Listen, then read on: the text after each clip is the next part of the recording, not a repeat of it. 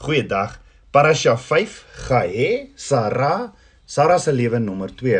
Ons het gesien Abraham stuur sy getroue dienaar Eliezer terug nou oor na sy oorspronklike tuisland om 'n vrou te gaan soek wat geskik is vir Isak om mee te trou. Eliezer kom toe in Mesopotamië aan en die eerste ding wat hy doen is hy vra vir Abba Vader laat hy vandag nog Isak se vrou ontmoet en vra vir 'n teken dat hy die regte vrou kan kies vir Isak. Eliezer het nog nie eers klaar gebid nie en Genesis 24 vers 15 tot 20 sê daar kom Rebekka uit wat vir Bethuel die seun van Milka die vrou van Nahor Abraham se broer gebore is met haar kruik op haar skouer. Toe vra Eliezer vir Rebekka, "Laat my tog 'n bietjie water uit jou kruik drink." En sy antwoord, "Drink my Heer." Daarop laat sy gou haar kruik op haar hand afsak en laat hom drink. Nadat sy hom genoeg laat drink het, sê sy, "Ek sal vir u kamele ook skep totdat hulle genoeg gedrink het." En dadelik het sy toe sy haar kruik in die drinkbak leeg gemaak het en weer na die put geloop om te skep en vir al sy kamele geskep.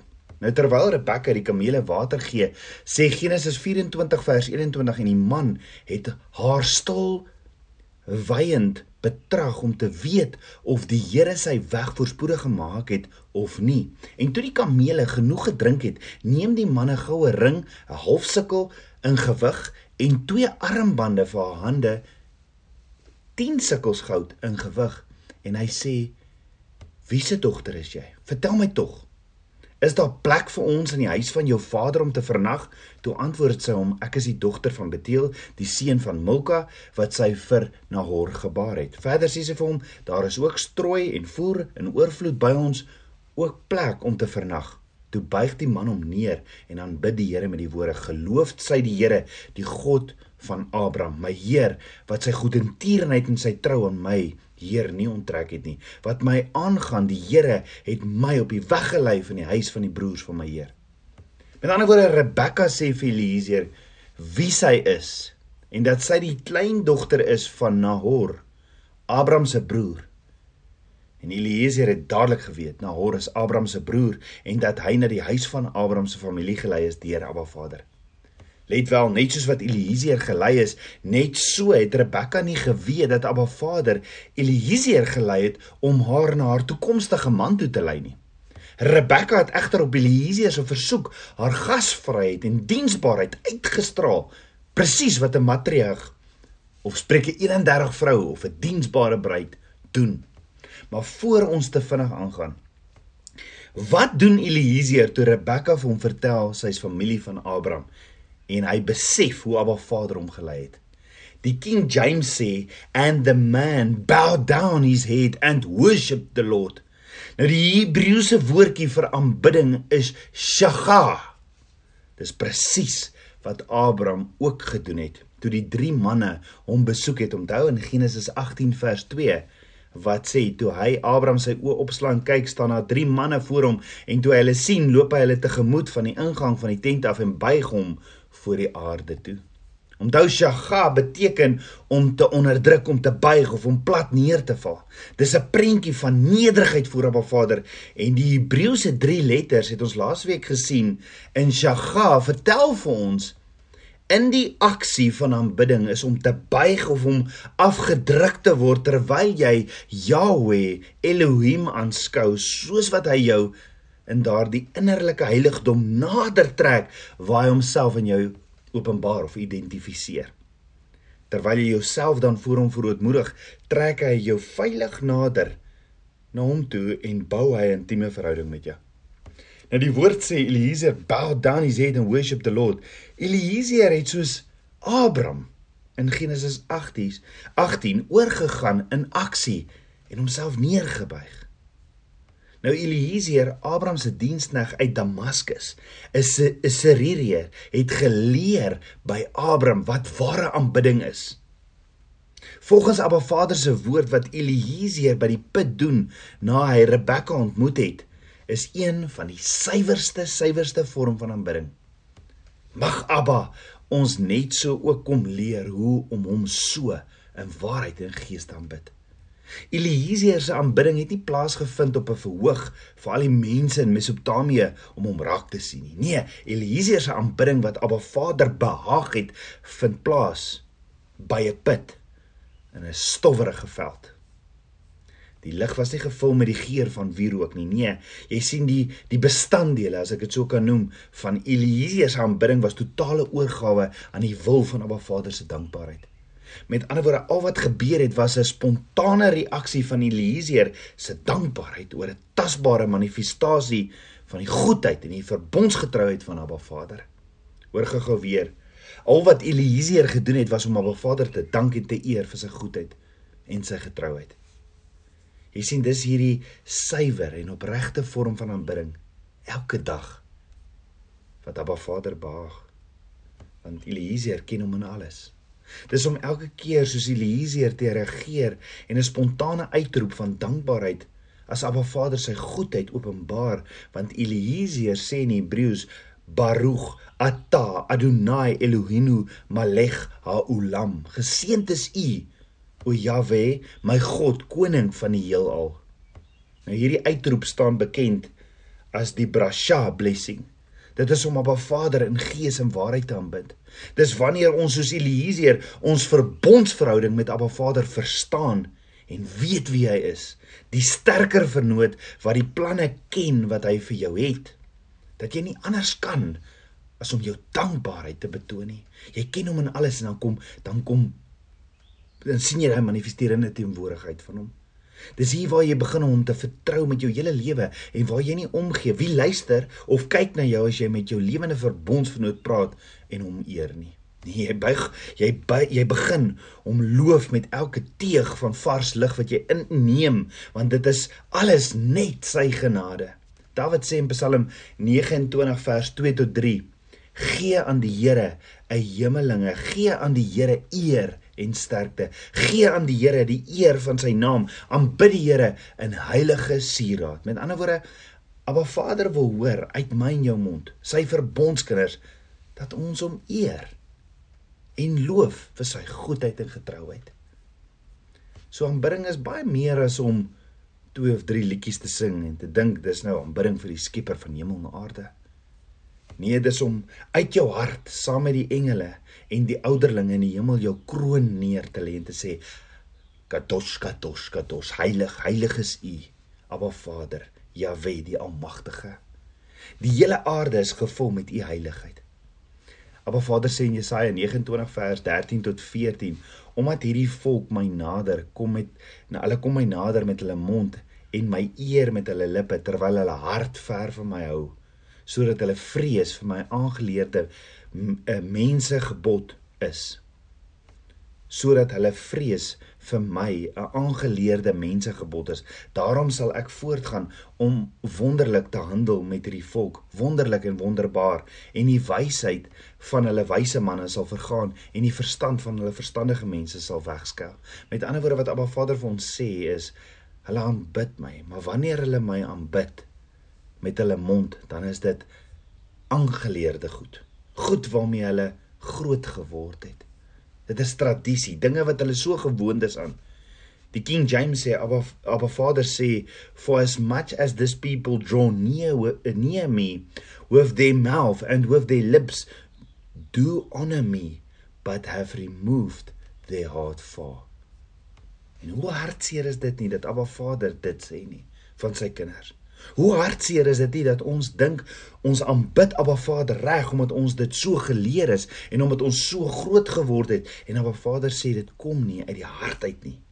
Dis lippediens. Yeshua herhaal ook Jesaja se woorde en sê in Matteus 15 vers 7 tot 8: "Gefeinstes te reg het Jesaja oor julle geprofeteer toe hy gesê het: Hierdie volk nader my met hulle met hulle mond en eer my met hulle lippe, maar hulle hart is ver van my af." En die vraag is, is dit nie wat ons ook doen nie? Ons kyk so na mense en hoe mense aanbid dat ons dit glad nie met uit die hart uit doen nie. Is dit nie hierdie aangeleerde gebruike, hierdie menslike gebruike wat ons aangeleer het dat ons nie eers meer weet wat dit is om Abba Vader waarlik in waarheid en gees te aanbid en dien nie? Want dink daaroor. As jy selfs net op sekere plekke jou hande oplig en aanbidding vir Abba Vader, dan kyk mense jou snaaks aan of sê is jy in die happy clappy kerk? Die vraag is waar staan dit in Abba Vader se woord dat jy nie jou hande kan oplig of klap in die kerk nie. Inteendeel, wat ons wel in Abba Vader se woord sien is hoe Dawid in so diep aanbidding ingegaan het dat hy selfs hom uit sy klere gedans het voor Abba Vader. Ja, 2 Samuel 6 vers 14 tot 16 sê: Daarby Dawid met alle mag gedans voor die aangesig van die Here en Dawid was omgord met linne skouerkleed. So het Dawid en die hele huis van Israel dan die ark van die Here met gejuig en basuingeklank opgehaal. Toe die ark van die Here die stad van Dawid inkom, kyk Milgal, die dogter van Saul, juis deur die venster en sien koning Dawid huppel en dans voor die aangesig van die Here en sy het hom in haar hart verag. Ons weet dat Dawid so voor Abba Vader gedans het en waar mense onder andere sy eie vrou dit nie verstaan het nie. En die woord sê dat sy hom aangekyk het en hom in haar hart verag het. Jy sien mense verstaan nie altyd ware aanbidding nie, want my aanbidding voor Abba Vader gaan nie oor wat mense dink nie. Nee, dit gaan oor 'n aanbiddingshart vir die Skepper van hemel en aarde, ons pottebakker. Dis daardie dankbaarheid van 'n lewende God wie ek kan bid. Aanbidding aan my verbondsvernoot is waar ek voor hom wil neerbuig in nederigheid en ontzag en waar ek vir hom sê Abba Laat my aanbidding nie net lippetaal wees nie, maar uit my hart uit, Vader. Laat dit net waarheid wees. Abba, laat my verstaan wat Dawid verstaan het en laat ek U dien soos Dawid U dien. Jy sien Dawid het net soos ek en jy ook verkeerde dinge gedoen. Maar Dawid het iets verstaan van aanbidding. Hy het nie regtig omgegee wat die mense of sy familie en sy eie vrou van hom sê nie. Want wanneer hy in die teenwoordigheid was van Abba Vader, het iets binne in hom gebeur. Dawid se aanbidding het uit sy hart gekom en hy wou niks te doen hê met gewoontes of tradisies nie. Sy aanbidding was nie voorgee of plastiek nie. Nee, daar was iets wat uit sy diepste wese uitgeborrel het wat oorgespoel het want sien dit het alles te doen met die kondisie van jou hart. So as ek staan en rondkyk in die kerk terwyl ander Abba aanbid en my gedagtes is die hele tyd van kyk nou die een. Ek sou nie so gedans het as ek so rok aangetree het of so maag gehad het of so lyf gehad het nie. Dan is my fokus op verkeerde plek. Want of daardie persoon dit nou reg of verkeerd doen, dis nie regtig relevant as ons leer in die woord dat Abba Vader is die beoordelaar en hy sal oordeel nie. Ek onthou en ek skaam my vir wat ek eendag vir Marika, my vrou gesê het, want ek het gesê kan hierdie vrou net bietjie sagter sing en minder dans. Haar gil en dans moves is glad nie ritme nie. As ek vandag daarna terugkyk, besef ek hoe dood ek in die gees was. Ja, ek was by die kerk waar dood ek was by die kerk maar dood in die gees, want hierdie vrou was besig met aanbidding voor haar Vader en ek was glad nie.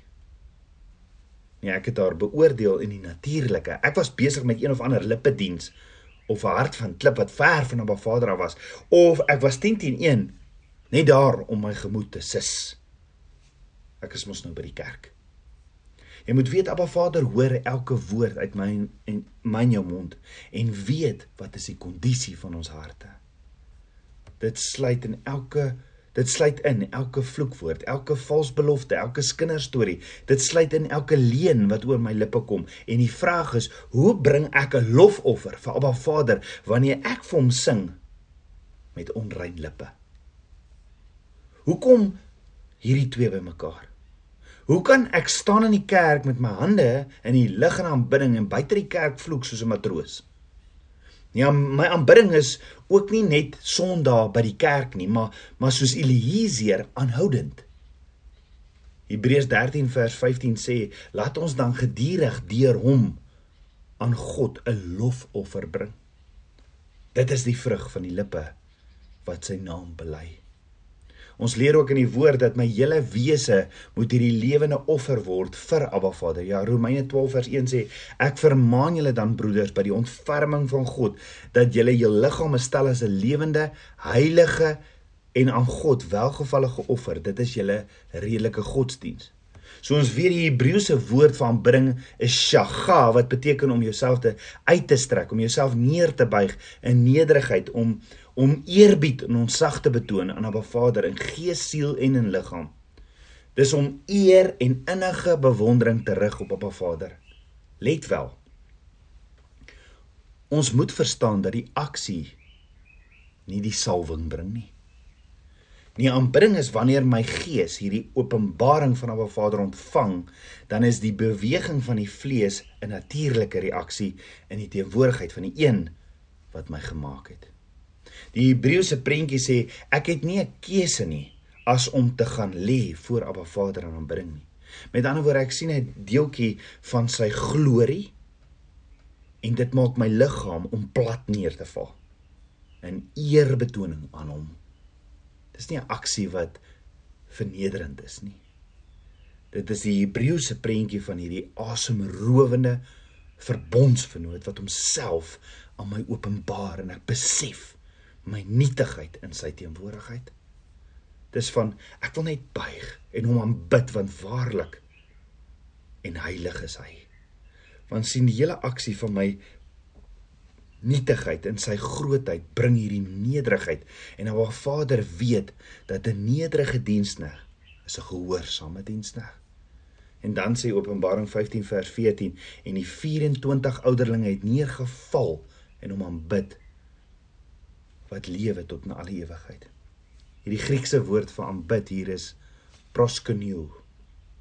Ook in Johannes 4 vers 24 sê Yeshua God is gees en die wat hom aanbid moet in gees en waarheid aanbid. Die Griekse woord vir aanbid hier is ook proskuneo wat beteken om in nederigheid voor Jahwe op die grond te val, om uitgestrek voor hom te lê. Met ander woorde, nie net te buig nie, maar uitgestrek voor hom te lê in totale nederigheid. Maar raai wat beteken proskuneo nog? To kiss the hand. Met ander woorde, ware aanbidding is om te soen Maar dink daaroor, wat openbare soen of wat is 'n soen? Al is dit op die hand. 'n Soen is 'n intieme daad. Net so tabernakelskind van Abba is aanbidding die intiemste ding wat ek en jy kan ervaar. Om ons koning te aanbid is om hom te soen.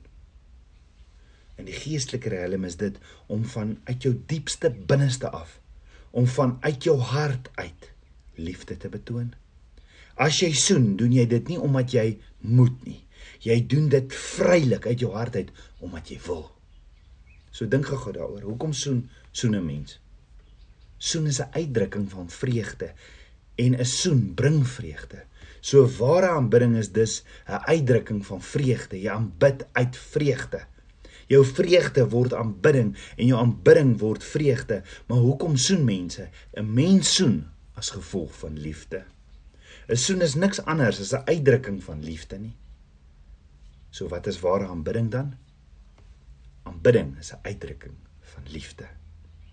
So hoekom nie soos Abraham, Eliezer en Dawid vir Abba Vader liefde betoon en hom aanbid vir wie hy is in waarheid en in gees nie. Kom ons bid saam. Abba Abba Vader, skieper van my hart, ek loof en ek prys U. Vader, hier is my hart. Ek wil U aanbid in waarheid en in gees. Vader, dankie, dankie vir U teenwoordigheid. Dankie dat ek U kan ken in alles. Dankie, dankie Abba Vader. Geseënd is U, Jahwe my God, koning van die heelal. Ek loof en prys U met my hele hart. Ek bid dit alles in Yeshua, Hamasieg se naam, die seun van Jahwe. Shalom.